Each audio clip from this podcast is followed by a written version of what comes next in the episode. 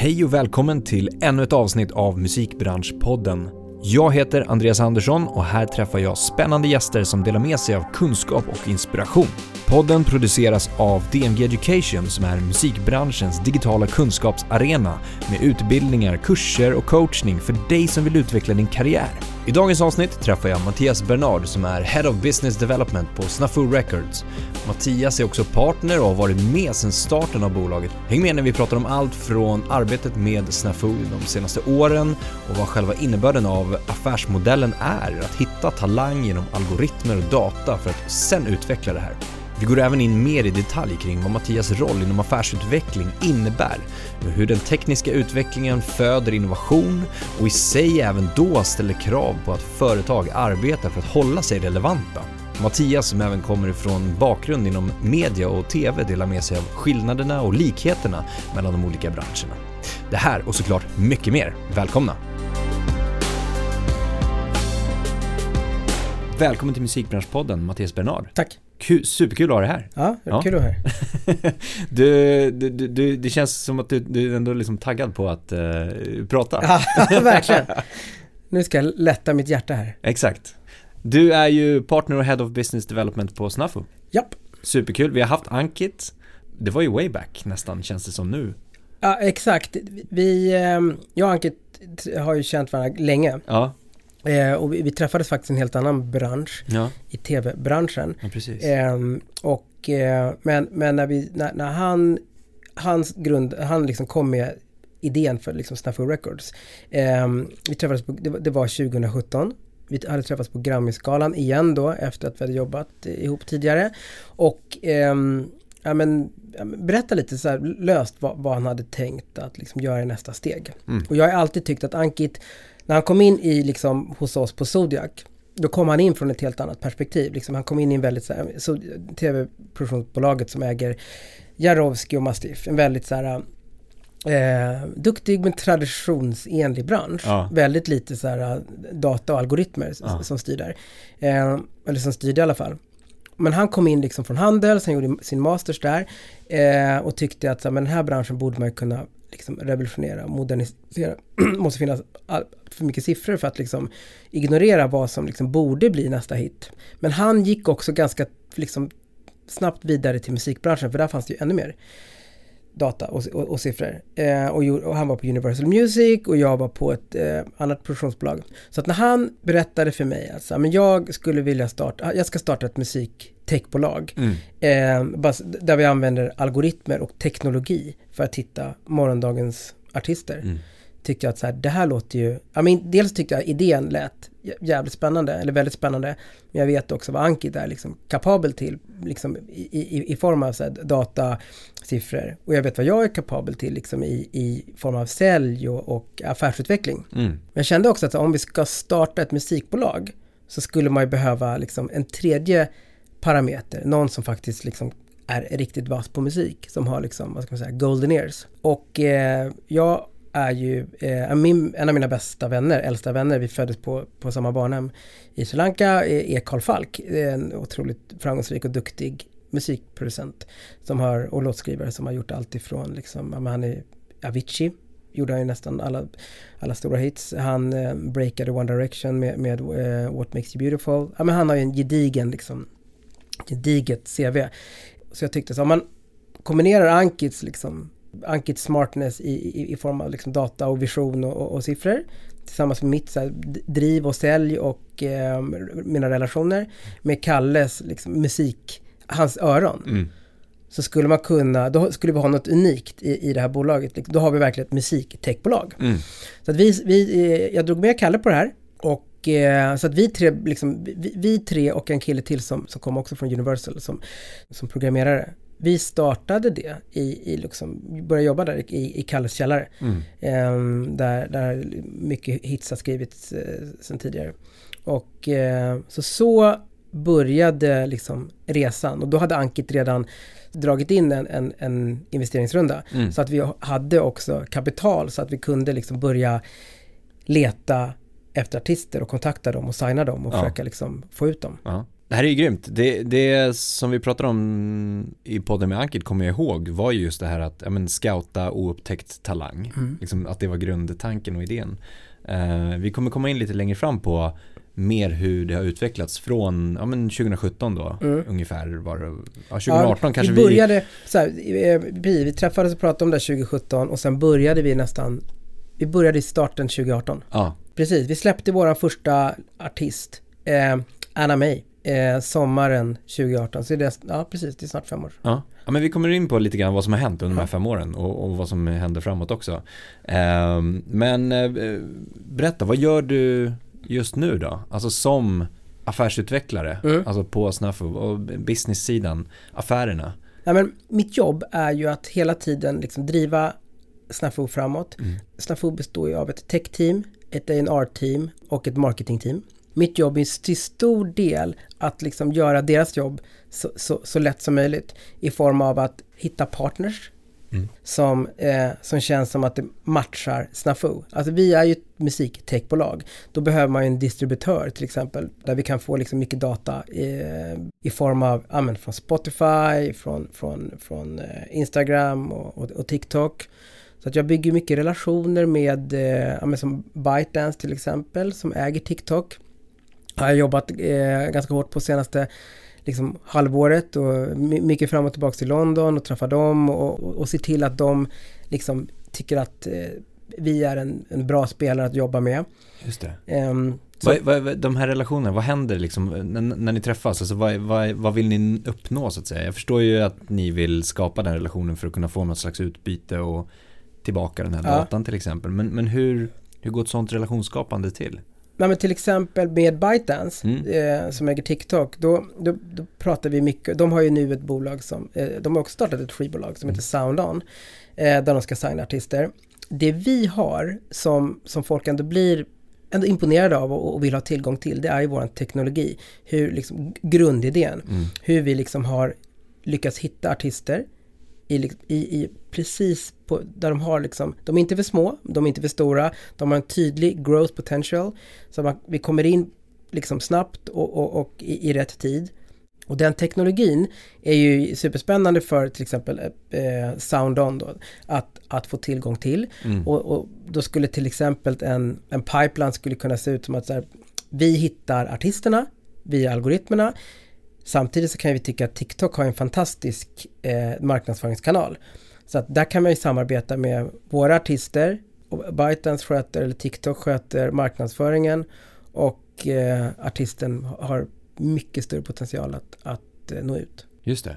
Vi har byggt så vi har alla nödvändiga och, och affärsdrivande roller i, i, i Snafu. Mm. Men vi har också, idag finns det så många andra partners som, som man ibland tjä- tjänar på att ha partnerrelation med. Till exempel syn, synkron, alltså musiksynk. Ja. Istället för att, ha- att ha en person då som inhouse som man ska betala lön och, och som ska liksom ha relationer med allt ifrån Netflix och reklambyråer och EA Sports. Så har vi, vi har ett gäng som sitter i USA Mm. som gör det jobbet åt oss för en liten procent. Just. Eh, och där har vi kanske haft tre olika under loppet av fyra, fem år. Just för att, för att hela tiden ha, dels för att de alltid ska vara på tå Ja. eh, och också för att ja, men det kommer hela tiden bättre och, och, och nyare och kanske mer hungriga spelare. Ja, det där måste ju vara jättebra att inte, att inte ni själva bara har pressen på att ha koll på trender, ha koll på utveckling, ha koll på plattformarna, ha koll på vad som ska fungera till exempel i synksammanhang utan att just ta hjälp av partners som är på tå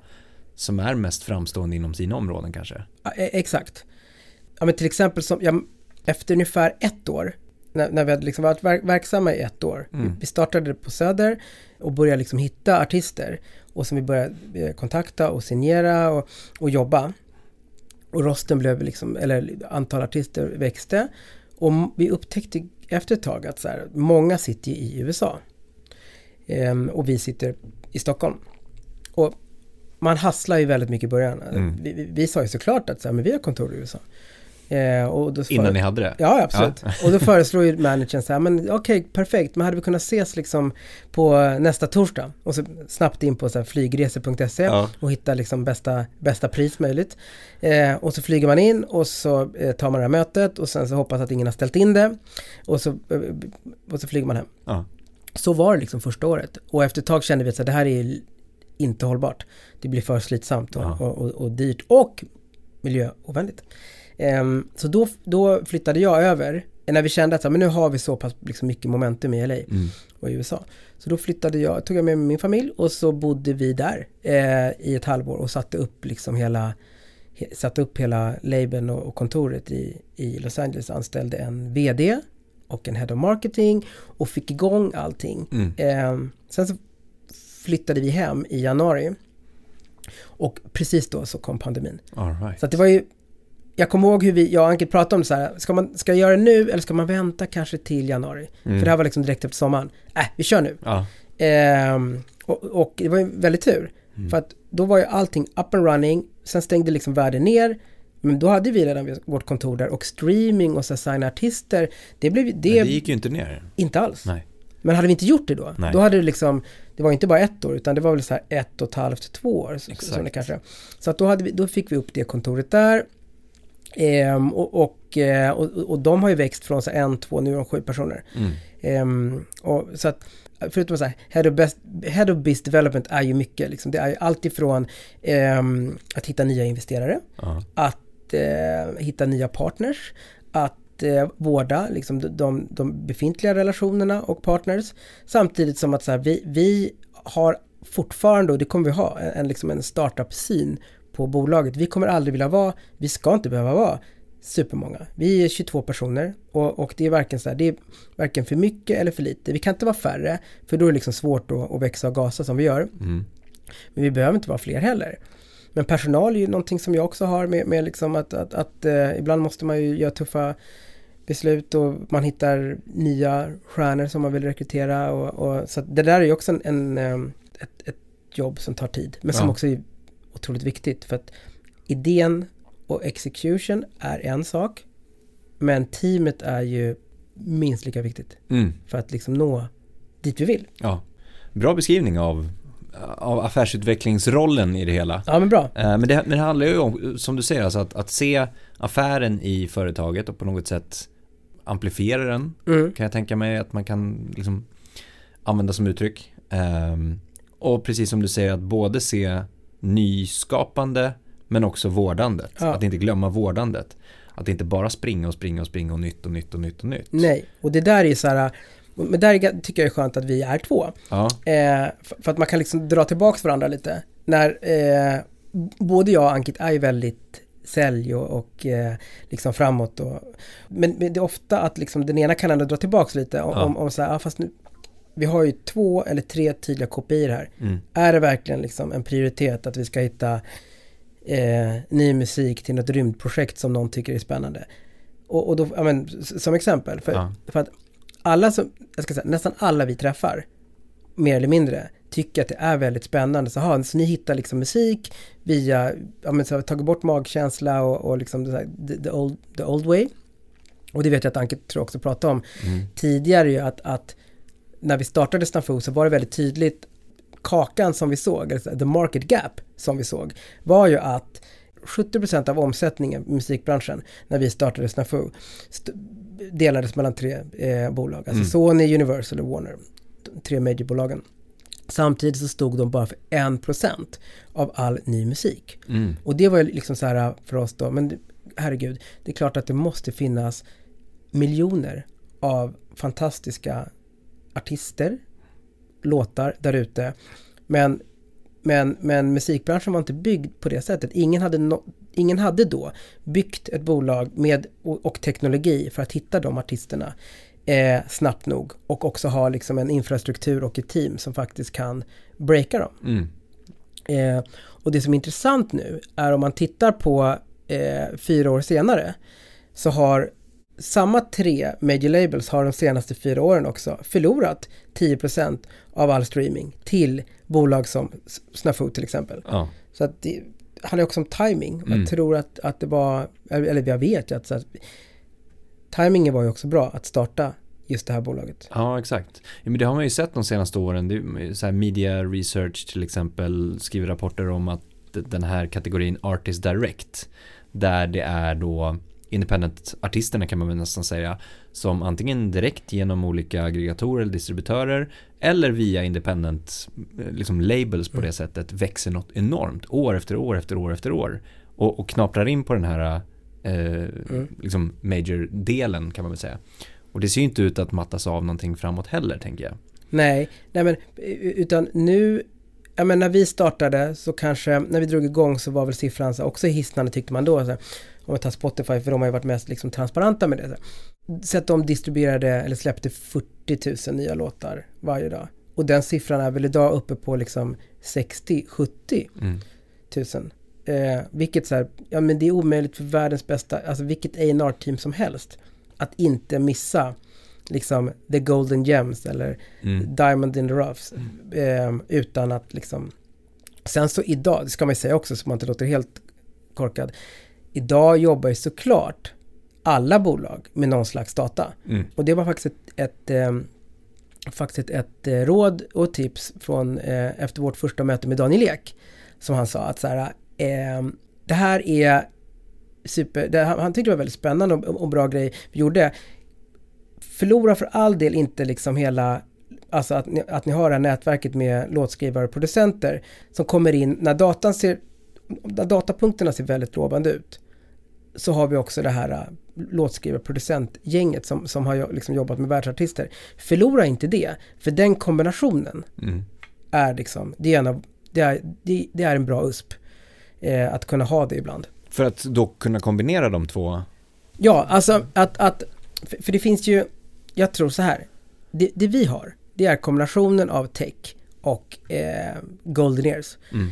Vi har, eh, men, och tittar man på, tittar man, tittar man runt i branschen så finns det ju antingen så också så här renodlade techbolag som, som säljer, man kan sälja en prenumeration på deras dashboard för att se också liksom vad, vad, vad som trendar och vad, mm. nya artister som liksom är på väg upp.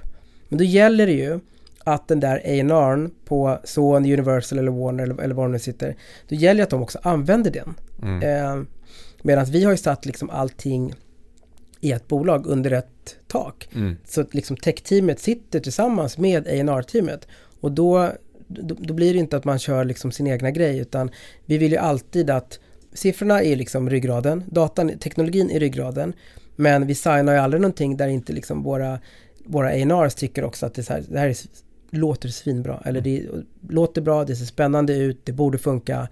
Um, och jag tror det, det, där har ju vi en, eh, ett försprång. Mm, mm. Har ni haft stött på något motstånd i det här med att ja, men det ska vara datadrivet? Uh, jag tänker mig på den mänskliga faktorn som alltid har varit den här magkänslan, precis mm. som du säger, att, att den inte finns kvar längre. Um, eller att man stöter på det här att, nej men varför ska inte artister som inte har streamat någonting men som är fantastiska, det finns ingen, ingen data än, mm. eh, varför ska inte de få chansen? Mm. Och, och, och, det där vet, så här, och så är det ju också, vilket är otroligt härligt ju också. Det hade varit tråkigt om det bara var data och numbers. Så som vi ser det är väl att det är en lite mer försäkring när man signar en artist. Att mm. det här det finns inga garantier. Men baserat på att datan som är liksom en kombination av hur engagement ser ut på Instagram och TikTok till hur mycket spellistor och support artisterna fått från Spotify. Eh, ja men egentligen så här, hur, hur ser artistens fanbase ut? Hur engagerade är de här fansen? Ja men det här är en väldigt så engagerad, engagerad fanbase. Hade vi kunnat komma in och amplifiera det och liksom investera och, och, kunna bygga ut det här fanbaset som faktiskt redan finns, ja men då skulle det kunna bli riktigt stort. Mm, mm. Men på din fråga, jag kommer ihåg hur vi liksom från case to case, eller från fall till fall när vi pratade med artister i början inte visste hur hårt ska vi spela datan här, ja, alltså exakt. i samtalet. Ja. Att så här, för ingen kände, då tyckte, trodde vi i alla fall det, att så här, är det ingen som kommer vilja liksom bli hittad av en algoritm Ja men det finns ju liksom alla de här, det finns ju så här klassiska historier. Alla, alla äldre A&Rs har ju liksom sin, hur, hur, hur man hittade eh, Prince eller, eller Oasis. Mm. Och, och här kommer då vi med så här, ja men vi hittade dig, så din, din data ser otroligt lovande ut. Det var inte vi helt säkra på att, att det var en bra pitch i början. Men ju längre liksom tiden gick och allting utvecklades. Så idag är det den bästa pitchen. Mm. Att så här, ja men vi har liksom NR-teamet ser här att så här, du har otroligt lovande siffror och data. Eh, och, och adderar man liksom det, det, det manuella som vi kan göra Ja. så, så har du en otroligt stor chans att lyckas. Det är en fördel idag. Mm. Det är liksom, data är inget fult. Men, men då, jag alltså, så då var, vi inte helt säkra på, är, är pitchen att vi har hittat det med hjälp av våra algoritmer eller är det, ska man liksom bara inte ens nämna det? Ja, Det gör att vi det är bara fantastisk absolut. musik. Ja. Ja, ja.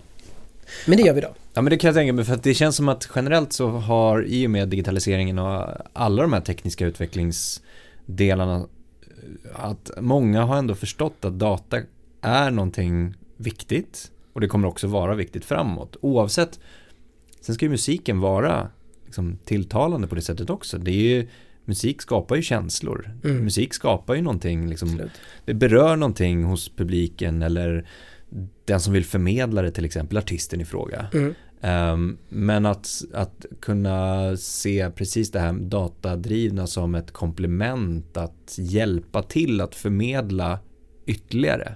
Att nå rätt, att kunna amplifiera ut och, och nå en, en målgrupp, en publik och Ja. få sin musik spelad. Jag, jag tror inte, jag tror fler och fler inte ser det som någonting fult längre. Exakt, och ja, men det har ju också hänt någonting med till exempel dig- digital marketing. Mm. Förr i tiden så var det mycket lättare att så här, dra, kasta iväg två miljoner på en marketingkampanj och hoppas att den funkar. Idag, med hjälp av all data som vi har, så vet man ju mycket mer. Man kan göra väldigt, väldigt mycket för Mm. väldigt, väldigt lite i form av influencerkampanjer, TikTok, Instagram, Spotify ads. Alltså, det går, det går att komma så mycket längre om man använder datan rätt. Mm. Istället för att bara så här, kasta iväg pengar och, och hoppa att det fast, hoppas att det fastnar. Mm. Och det går ju mycket snabbare att, att få till sig datan och kunna analysera och dra slutsatser. Eh, verkligen. Och Alltså- att så här, testa en kampanj. Vi, vi, så här, vi, vi, vi gör jättemycket så. Man, man testar väldigt så här, småskaligt Ja. eh, för att se liksom, okej men vad, re, vart reagerar det? ja. Och när man sen ser vad det reagerar, ja, men då kan man ju dra på. Mm. För då har man liksom hittat sin, eller artistens, liksom fanbase eller, eller sweet spot. Precis på samma sätt jobbar vi med våra signeringar. Mm. Ehm, om, om, om Major Labels har ju såklart ett helt annat, så här, de har en helt annan plånbok för att signa artister. Eh, och funkar det inte så funkar det inte. Eh, och sen så har de ju såklart deras artister som, som fungerar hur bra som helst och framförallt deras stora katalog. Ja. Med, med, men våran modell är ju lite annorlunda. Vi, såklart he- hela datan, men det har jag redan dragit, kan ju, vi börjar ju också med en, en klassisk snafu-deal ser ut som så här, sing, fyra singlar. Och så jobbar vi dem och marketing på det och sen så har vi många optioner för att liksom kunna, funka det här så kan vi liksom släppa ett album. Då kan vi göra hur mycket som helst. Men man kan också, funkar det inte så är det liksom inte världens största investering heller. Vi kommer att prata mer om det här framåt, men jag tänker vi ska gå in lite grann och backa bandet lite. Att, eh, och titta vart du kommer ifrån media-sidan, eller Just det. mediaindustrin kan man väl säga, precis som du sa där. Ja, Ehm, Tv-produktionsbolag, du har jobbat med, med den typen av innehåll, kan Mm. man nästan säga. mm. Ehm, vilka likheter drar du mellan musik och media? Den stora likheten är ju att alltså, det är underhållningsbranschen. Ja, Det är populärkultur. När jag, jag jobbar ju med programutveckling och, och hur, hur, hur och, och tar fram nya idéer som borde fungera på, på de olika tv-kanalerna. mm. Man vet ju aldrig innan. Eh, men man gör ju mycket research och man går på trender. Och, och den likheten skulle jag säga så finns, i, i, finns i musikbranschen också. Att, att, och, och speciellt i mitt jobb. Mitt jobb var ju att så här, utveckla och sälja. Mm. Och, och, ehm, och, och det är ju en stor del av min, liksom, mitt dagliga jobb på Snapfo också. Att Ja. så här, vi har ju liksom att utveckla bolaget och sälja in det till, till, till eh, alltifrån till investerare, till partners, till, till eh, distributörer, eh, folk som vi vill jobba med. Ja. Sen så, nu så tycker jag ju ärligt talat att det är en enormt stor skillnad på just musikbranschen och tv-branschen. Mm. Men jag vet inte om det är, alltså så här, jag vet inte om jag tyckte det då. Men, men nu, om man tittar på liksom hur vi jobbar och vad vi gör och även liksom hur, hur, hur musikbranschen funkar så är väl så så kan jag tycka att det är en ganska stor skillnad för att tv-branschen har inte kommit lika långt i liksom digitaliseringen. Förutom då de här nya, alltså alla, alla plattformar med Netflix och HBO och Amazon och allt vad de heter. Om musikbranschen var redo liksom att revolutioneras med hjälp av data så känns det som att det finns väldigt mycket kvar för, för just tv-branschen där. Mm. Där känns det fortfarande väldigt, om jag skulle slå på tvn så, så känns det som att det är lite samma tv-program som, som när jag jobbar. Ja. Folk ja. som lagar mat. Eller familjer som åker på semester. Eller ungdomar som röstar ut varandra på någon här- härlig paradisö. Vilket i, det är inget fel med det. Det är, så här, det är bra underhållning. Men det känns inte som att det har utvecklats så mycket. Nej, just det datadrivna som du säger, att det, det känns lite mer att slänga ut och testa Mm. inom tv. Ja. Än att gå tillbaka och analysera vad har funkat sen tidigare och varför har det funkat och vad är datapunkterna som säger att det har funkat eller flugit.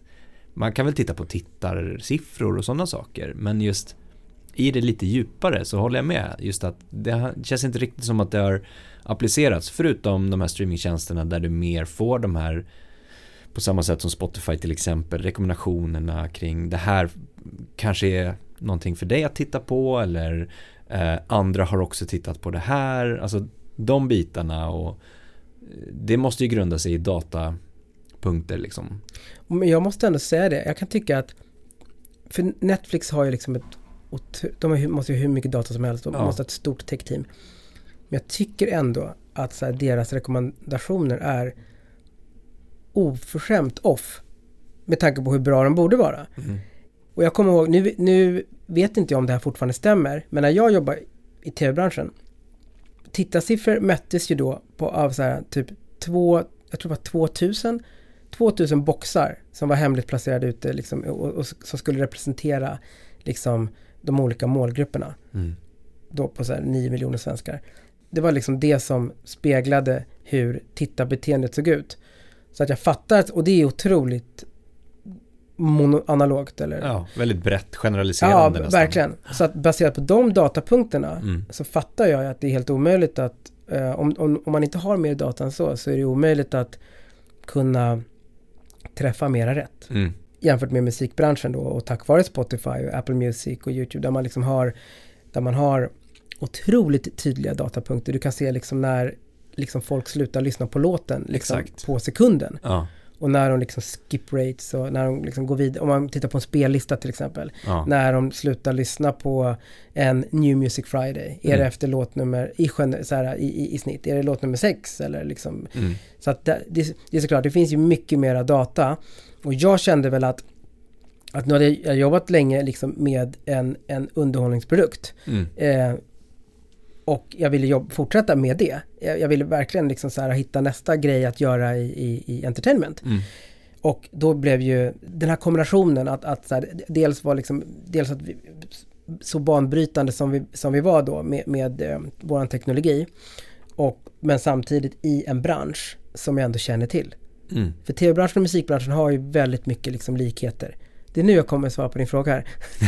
musikbranschen och tv-branschen har ju mycket likheter just för att så här, den, den i grunden är baserad på att underhålla, Ja. att här, tillfredsställa, det är, liksom, det är mycket magkänsla, det är mycket känslor, eh, mycket magkänsla. Det ska ju förstärka. Ja. Ehm, och, och när jag jobbade i tv-branschen så jobbade vi också mycket med musiken. Alltså med ljudläggning och, och liksom förstärka liksom.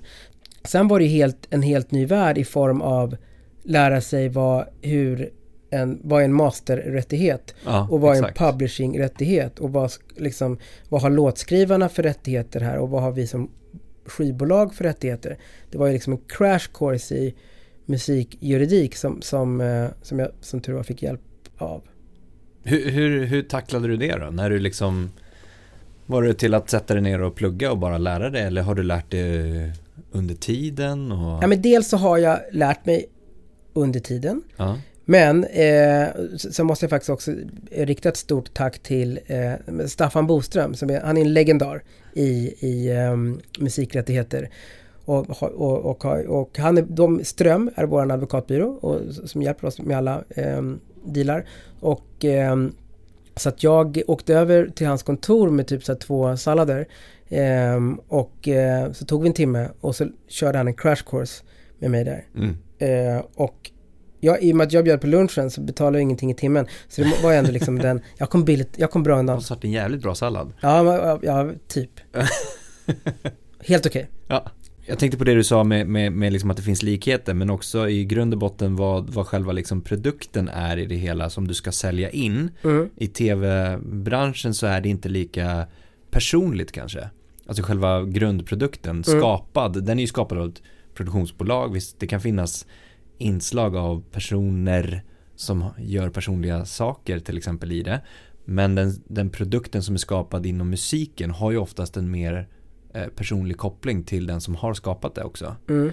Ehm, jag tänker hur skillnaden är där i hanteringen av produkten. Förstår du vad jag menar? Mm. Är, det- är det liksom mer delikat eh, hantering inom musiken än eh, tv-produktion där det mer är nu har vi skapat produkten mer av liksom som en faktisk produkt, en fysisk produkt Ja. som ska säljas in.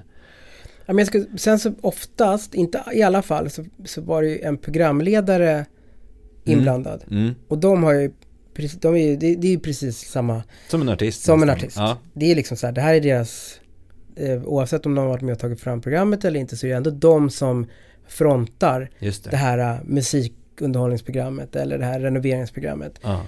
Det är ingen som vet om produktionsbolaget bakom. Så det är ändå liksom, det är programledaren som får ris eller Mm, ros mm. beroende på hur programmet går.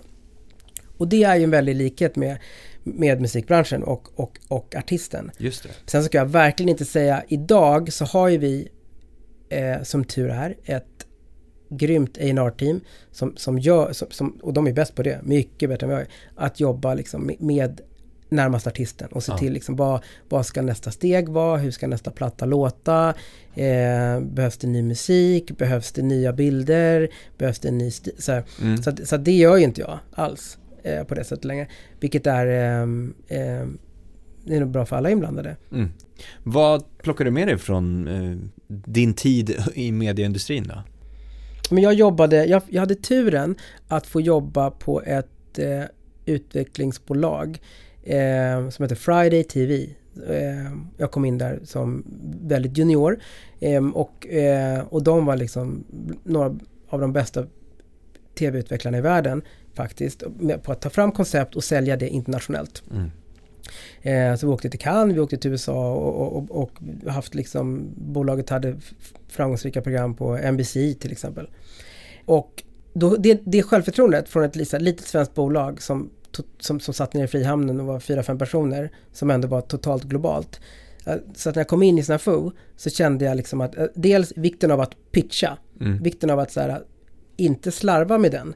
Oavsett liksom vilket möte det är så fick jag alltid liksom lära mig att förbereda mig otroligt bra för att ta liksom den bästa pitchen av ett pro- tv-program. Och det har jag med mig väldigt mycket i Snafu, att liksom kunna pitcha ja, men, på stående fot, liksom en, en artist eller, en, en, eller, eller bolaget och framförallt pitcha och sälja. Mm. Eh, och, och också känna att så här, fan, visst, vi också, vi satt tre personer i en, i en källare på Södermalm. Men, men, men det är klart att vi ska ha, ha liksom de bästa artisterna och eh, de bästa partnerrelationerna i USA eller i Asien. Mm. Mm. Jag tänker att som du säger, när du säger sälja så är det ju viktigt att förstå att du även säljer in ett samarbete till exempel Mm. eller värdet av att det här partnerskapet. Ja, Att det handlar ju om en, ett, ett sälj och Mm. vara förberedd inom det. Att det inte är en, en direkt ekonomisk utbytelse. Liksom att nu säljer jag det här till dig. nej, så- exakt. Precis. Utan sälja in ett koncept, sälja in en, en idé, sälja in ett partnerskap som gynnar båda till exempel. Då. Så Ja, visst. sälj, sälj inom just det här är ju mycket bredare än det direkta säljet. Ja, bara. exakt. Men jag, men jag gillar också, för att någon, för, för, för jag, jag vill ändå att folk ska, för sälj är ju, ibland har ju sälj fått ett så här skamfilat rykte. Ja, Att, exakt. att så här, ja men du vet säljare. Plocka upp telefonen och Ja, ringa så, ja det är en säljsamtal. säljare igen. Ja, Ehm, och ehm, man ska liksom inte heller underskatta säljet. För att ingen, ingen, eh, inget bolag skulle ju liksom bli framgångsrikt utan att liksom ha, att ha eh, att satsa på säljet och ha liksom bra säljare. Mm. Sen så beroende på vad det är för produkt man säljer så, så får man ju attackera problemet an, annorlunda. Ja, Men utan sälj så blir det ingenting. nej, exakt. Apropå det här med, med investeringar och att, att du pratar mycket med investeringar så ni gjorde ju ganska nyligen, eh, eller ni tog in en ny investeringsrunda Mm. kan man väl säga. Mm. Nu början på 2023 som det är. Mm. Och vi pratade lite grann innan här, innan vi började spela in om en eh, Breakit-artikel. Ja, Eh, där, där eh, titeln var Så vill Snafu spöa skivbolagsjättarna. mm. Ehm, den är ju kaxig. ja Jag gillar den. Den, ja, den är inte jätteödmjuk men den, den, man, man tittar väl till. Ja, precis. Ja. Den säljer säljer ju. Ja, Apropå sälj då. Eh, och, och ni har ju tagit in just för att utveckla både skivbolagssidan och Mm. publishingsidan då, Mm. eller förlagssidan eh, genom att investera i musikkatalog, Mm. vad jag förstått det som. Och eh, vad blir då fokuset i det här eh, framåt efter den här rundan då? Mm. Ja, men vi har gjort några vi har gjort några riktigt bra rekryteringar under 2022 där vi har liksom stärkt upp vårat, eller skapat Fine Art, en liten ordlek med Finance and Art. Eh, så där har vi liksom nu satt ett team på fyra personer som med en Head of Fine Art som, som precis har flyttat hit från, från London och hon har ett, en, en, en erfarenhet av att just så här köpa musikrättigheter. Hon ser liksom mer musik som en asset Mm. snarare än på skivbolagssidan, då handlar det mer om liksom att, att breaka en artist. Ja. Det är mycket, mycket mera, eh, mycket, mycket fler parametrar på ett sätt.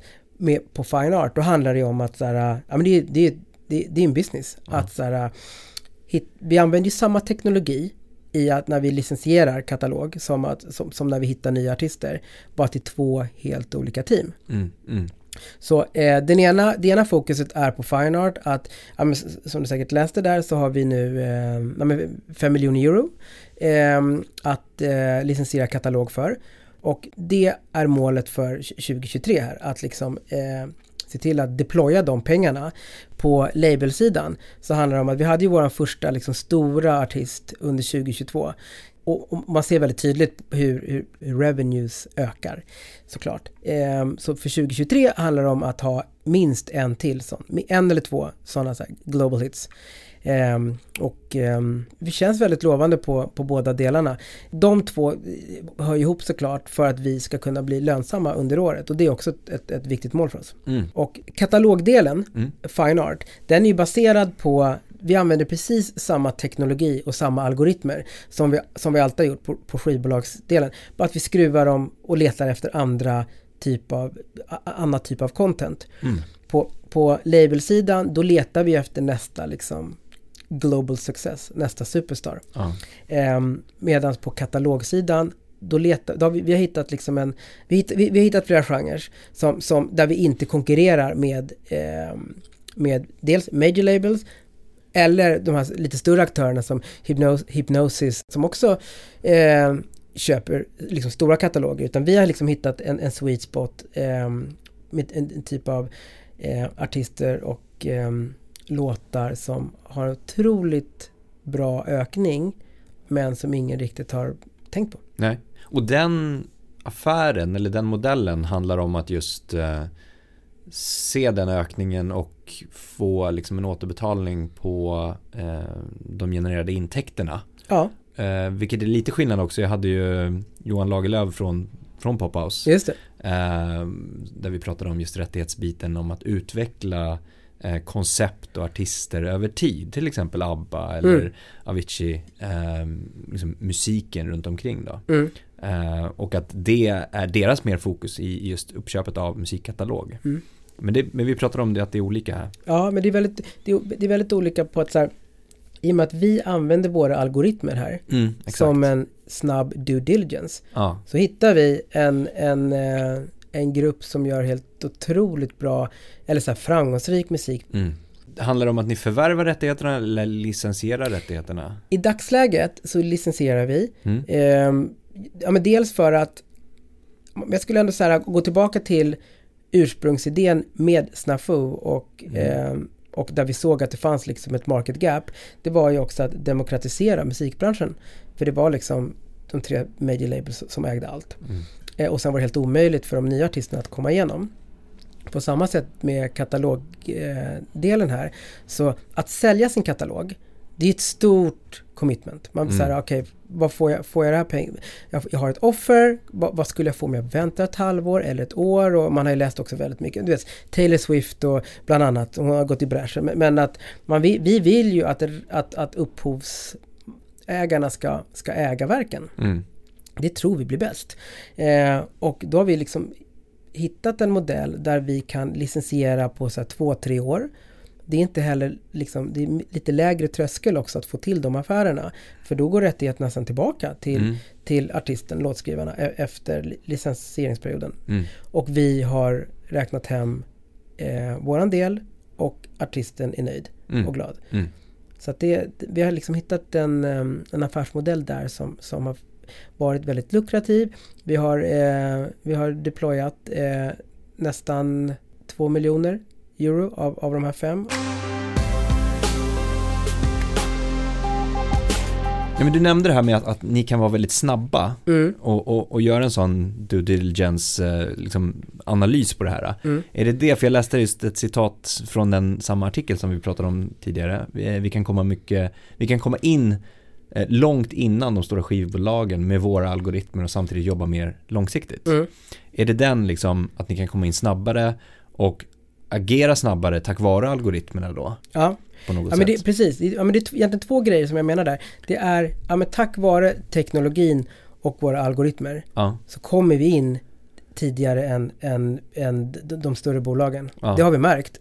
I början så hittade vi ju artister som vi kanske inte ly- riktigt lyckades signa för att vi hade liksom inte infrastrukturen och, och när, när, men vi var alltid först. ja, Vi har alltid varit först.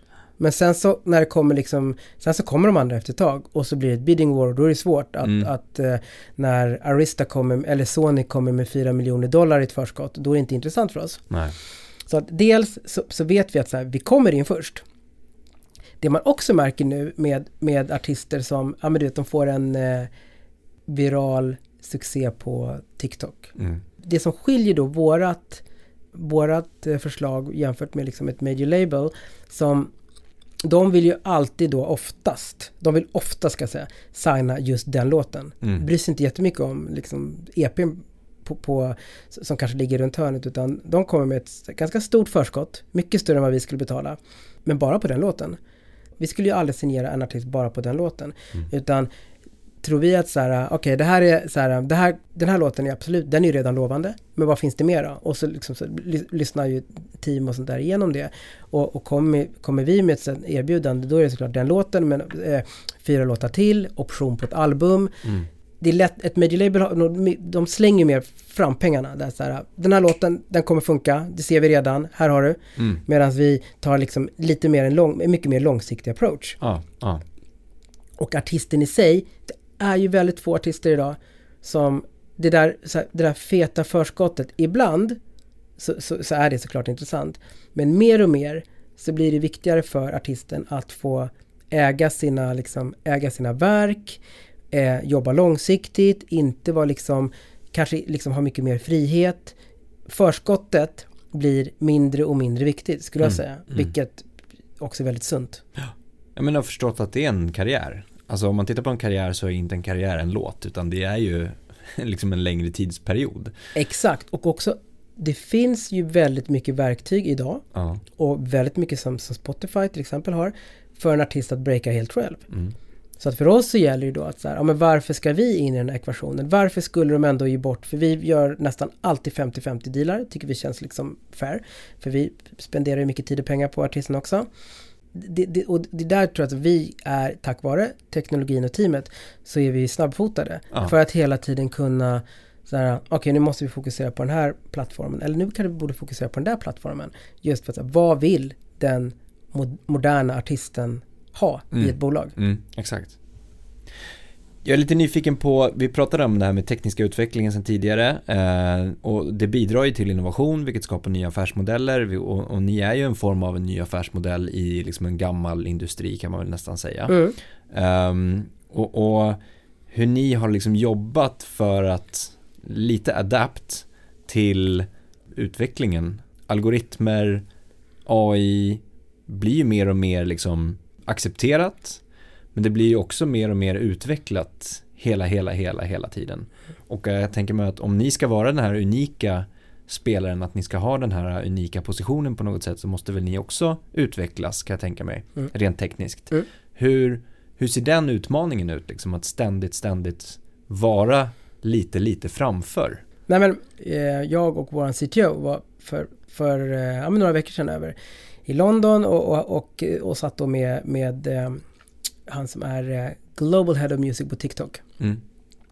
Och eh, ja, men apropå det partner, partnersamarbete som jag pratade om. Eh, och han ställde då liksom en, en, en fråga, jag tror det var på andra sliden som, som vår CTO drog. Så här, Vänta, jag vill bara fråga dig. Varför gör du det här bättre än någon annan? Ja. Och jag sa att jag höll andan. och vad, som, vad han skulle svara. Eh, ja men då svarade Felix då att jag säger inte att göra det bättre än någon annan, men det vi gör som kanske inte, alltså ofta så fokuserar man på en plattform lite mer. Medan vi har, så fort en ny plattform kommer så har vi liksom fokuserat på, lagt lite mer resurser på den och, och, och, och så att vi har ett, en branscherfarenhet på datasidan av alla plattformar.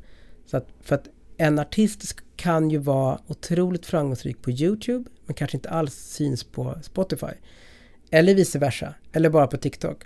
Och att ha den, att ha, ett, ha en teknologi som ändå täcker alla plattformar är någonting som vi alltid har eh, investerat pengar i Just det. och fokuserat alltså, tid och pengar. Mm. Så att vi har en, vi har en vetskap om, om alla de relevanta plattformarna. Mm. Och då när det kommer någonting nytt så är ni snabba på Ja. bollen och liksom Och i samband med typ hur viktigt det är med ett, ett partnerskap till exempel. Att, att eh, tillbaka till mitt jobb då, att, att ha en bra relation med Byten som äger TikTok och kanske få lite mer eh, data mm.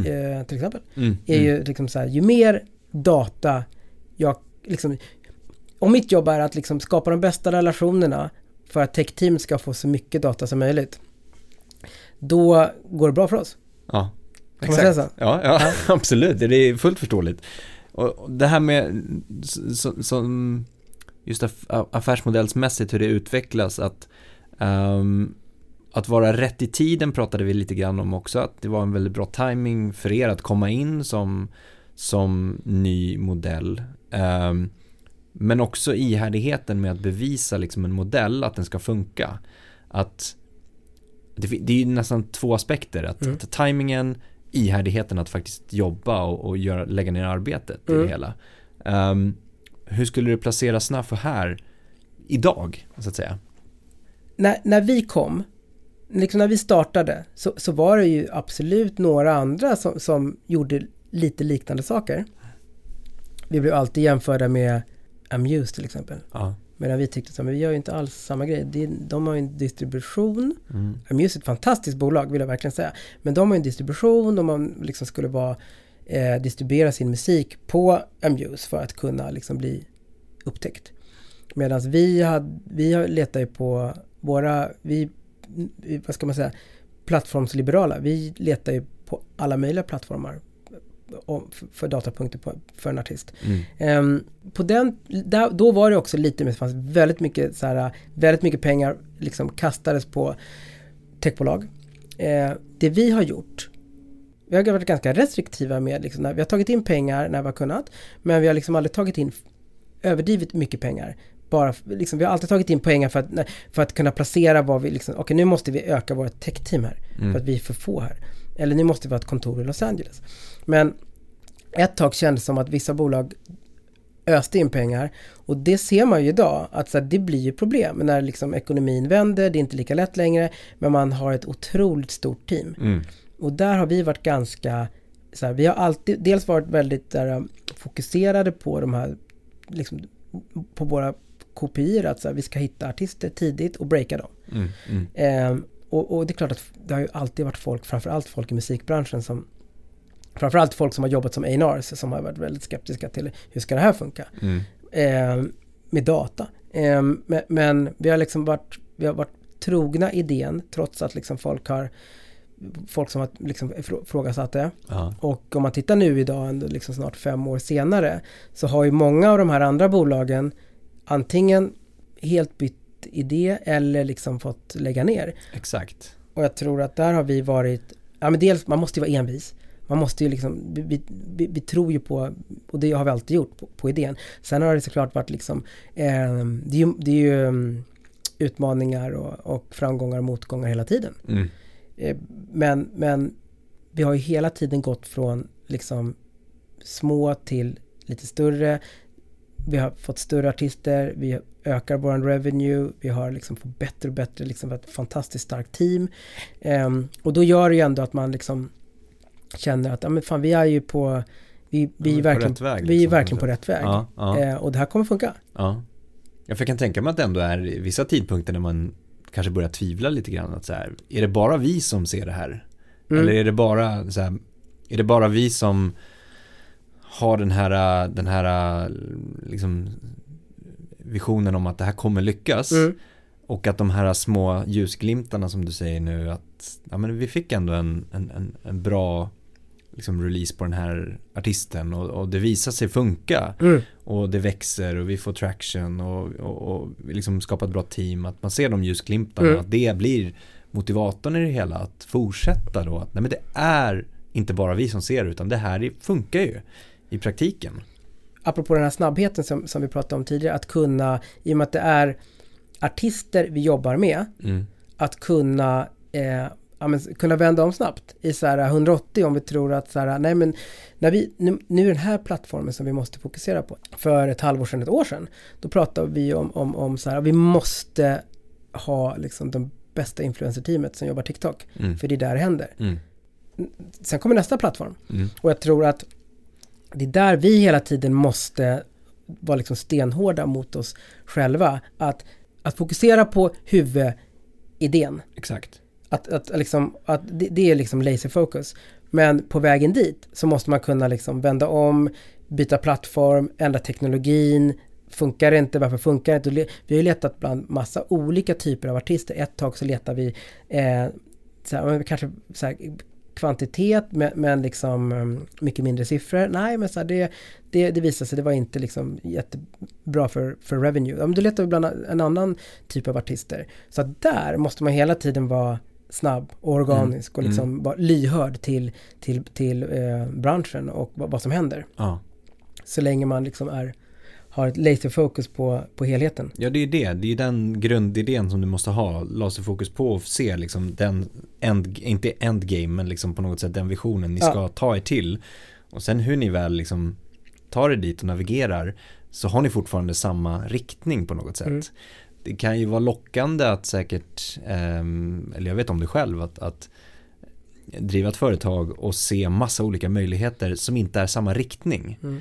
Uh, man ser möjligheterna mm. för att man jobbar i närheten av det nästan. Ja. Och det kan kännas lockande att, men vänta, ska vi inte koppla på det där också? Mm. Och det där, och det där, och det där. Men då tappar du helheten. Ja, absolut. Då ja, tappar där, du laserfokuset på något sätt. Absolut, och jag tror så här, där har vi också blivit bättre. För i början så, så och, och jag var väl den första som så här, och det här då? Ja. Och vi, jag kommer ihåg, vi träffade, alltså när vi, även fast när vi hade startat Snafu så träffade vi liksom lite tv-produktionsbolag TV och så här. Hur hade vi kunnat hjälpa er? Och, ja. och så hade vi ett riktigt så här, trött möte med, med ett, ett produktionsbolag som, ja men det slutade med att de sa, ja men ni kanske hade kunnat hjälpa till med castingen. Man bara, med casting? Alltså, det, det kan ni nog göra själva. Ja. Eh, men, men vi har ju liksom längs vägen också gjort sådana saker. Mm. Det har man ju blivit bättre på, att så här, fokusera på vi, vi, måste fokusera på det vi ska göra. Mm. Eh, alltså att breaka nya artister och eh, deploya mer katalog. Mm.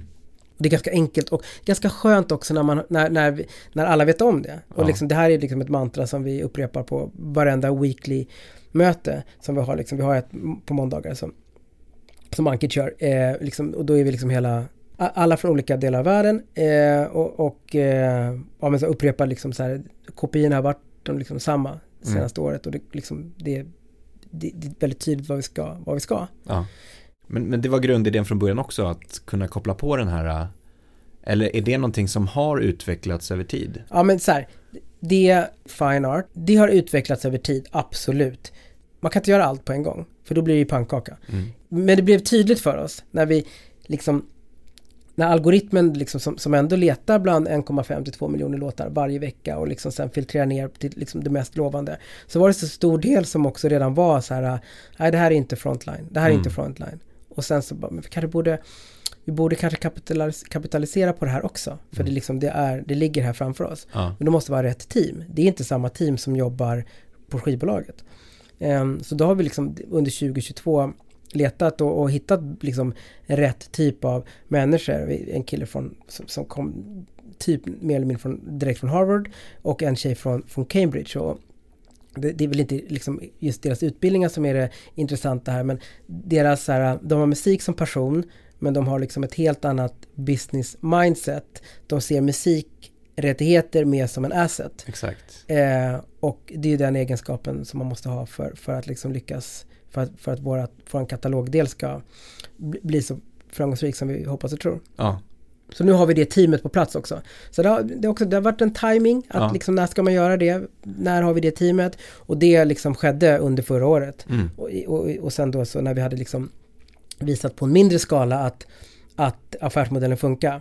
Ja men då fick vi liksom det här tillskottet Mm. Mm. från, från några av investerarna att så här, okej här är ytterligare 5 miljoner euro, Mm. kör. Och det ligger ju så nära att koppla på det här som Ja, du säger. Det, det. kanske finns fler sådana saker längre fram också, eller? Absolut. Jo men jag tror alltså att ekosystemet att komma in, för vissa som kommer in på katalogdelen har ju en dröm om att bli popstjärnor också. Mm. Och då, det, det är inte omöjligt då. Det, det hägrar ju där borta att så här, gör jag det här tillräckligt bra så kommer jag kanske kunna ta ett möte med A&R-teamet såklart. De Mm. sitter på, i samma bolag och, Mm. och, och vi har några av de ehm, artisterna på katalogdelen som, som nu har liksom flyttats över till Sabins team på, på, på Frontline, på Mm. skivbolagsdelen.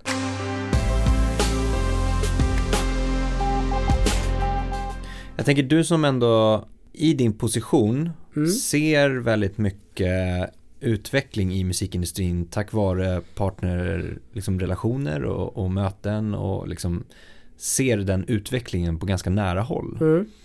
Om du skulle sammanfatta lite grann vart liksom trendmässigt du ser musikindustrin gå. Mm. Går det att sammanfatta? Nej men så här, AI är ju, ja men det har ju kommit väldigt starkt på, på, nu har det blivit så pass bra. AI-tools för att skriva låttexter och melodier är ju någonting som vi och många har tittat på liksom i flera, flera år. Och, och, och har väl haft en känsla att så här, men det kommer komma på något sätt.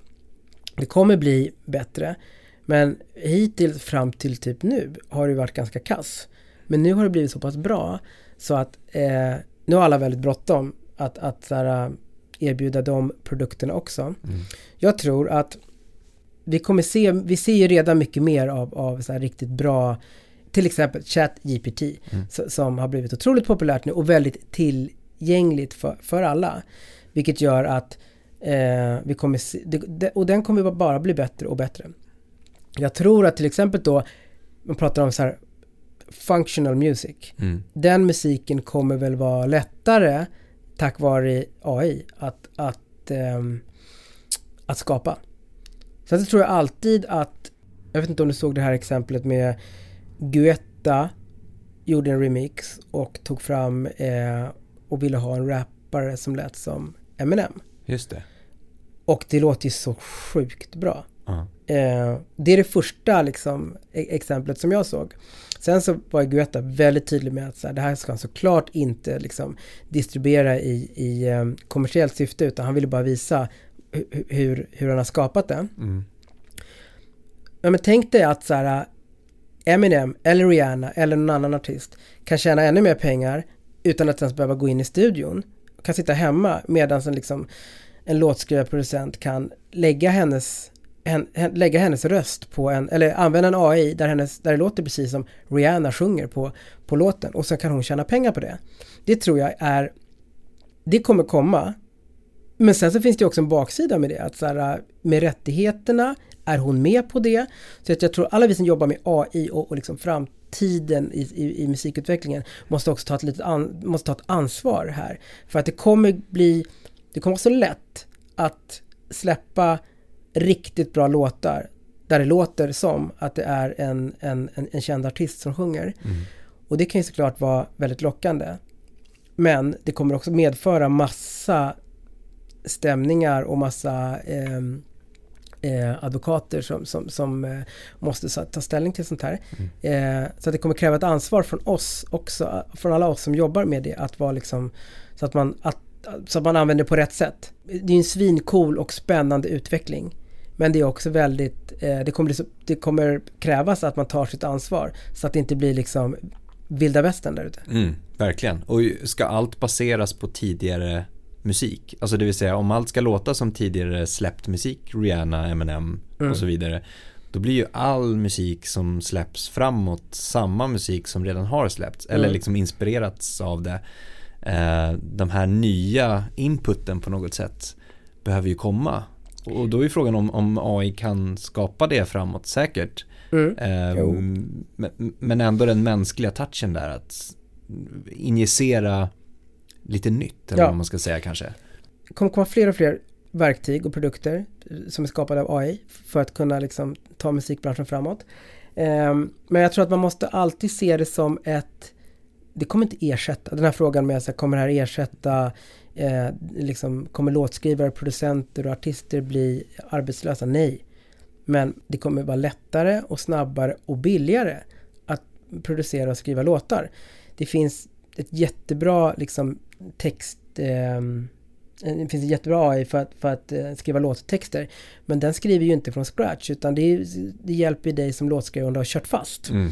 Och istället då för att, så här, att det inte blir någonting gjort på ytterligare en dag så kan du skriva liksom så här, ja men du skriver ner det du har skrivit hittills och sen så, så får du ett förslag av AI som, som, som, som komple kompletterar. Mm. Det är jag övertygad om att så här, det kommer bara vara bra för musikbranschen att få ännu mera eh, ännu mer verktyg och mm. ännu mera eh, men, men det, det, kommer aldrig ersätta. Nej. Det kommer ersätta kanske vissa genrer. Ja, men till, jag tror att AI kommer kunna AI-skapad musik har blivit så pass bra. Funktionell musik pratar vi om att, att det, det, det är en, en typ av, av, musik som är lättare i alla fall för AI att skapa riktigt, riktigt bra. Eh, man pratar också om, om att det blir, borde bli lättare också om att eh, för ett eh, Nike eller ett H&M eller ett Adidas som behöver liksom specialskriven musik kanske för, för just de här löpskorna. Mm. Ja men det, det, det känns som en given för, för, för ett AI eh, att, att, skapa det. Ja. Och inte betala massa dyra synklicenser. Mm. Otroligt spännande, jag håller med. Ja. Alltså väldigt spännande, men som du är inne på, en, en viktig aspekt är ju ansvaret som alla som jobbar med det har egentligen. Mm. Um, så att, uh, ja, vi får se framåt. Mm. Men du Mattias, super, super stort tack för uh, jättetrevligt samtal. Ja, tack själv. Det var mycket roligt. Jättestort tack för att du har lyssnat på podden idag. Det uppskattas verkligen. Kom ihåg att följa, stjärnmarkera, gilla, dela, kommentera för att hjälpa till att sprida kunskapen i musikbranschen. Vi vill också jättegärna höra från dig. Vilka utmaningar står du inför? Vad tycker du är svårt? Vad tycker du är lätt? Vad vill du höra? Vad vill du veta? Vad vill du lära dig? Hör av dig till oss på info at dmgeducation.se. Tack för idag och ha en fortsatt härlig dag.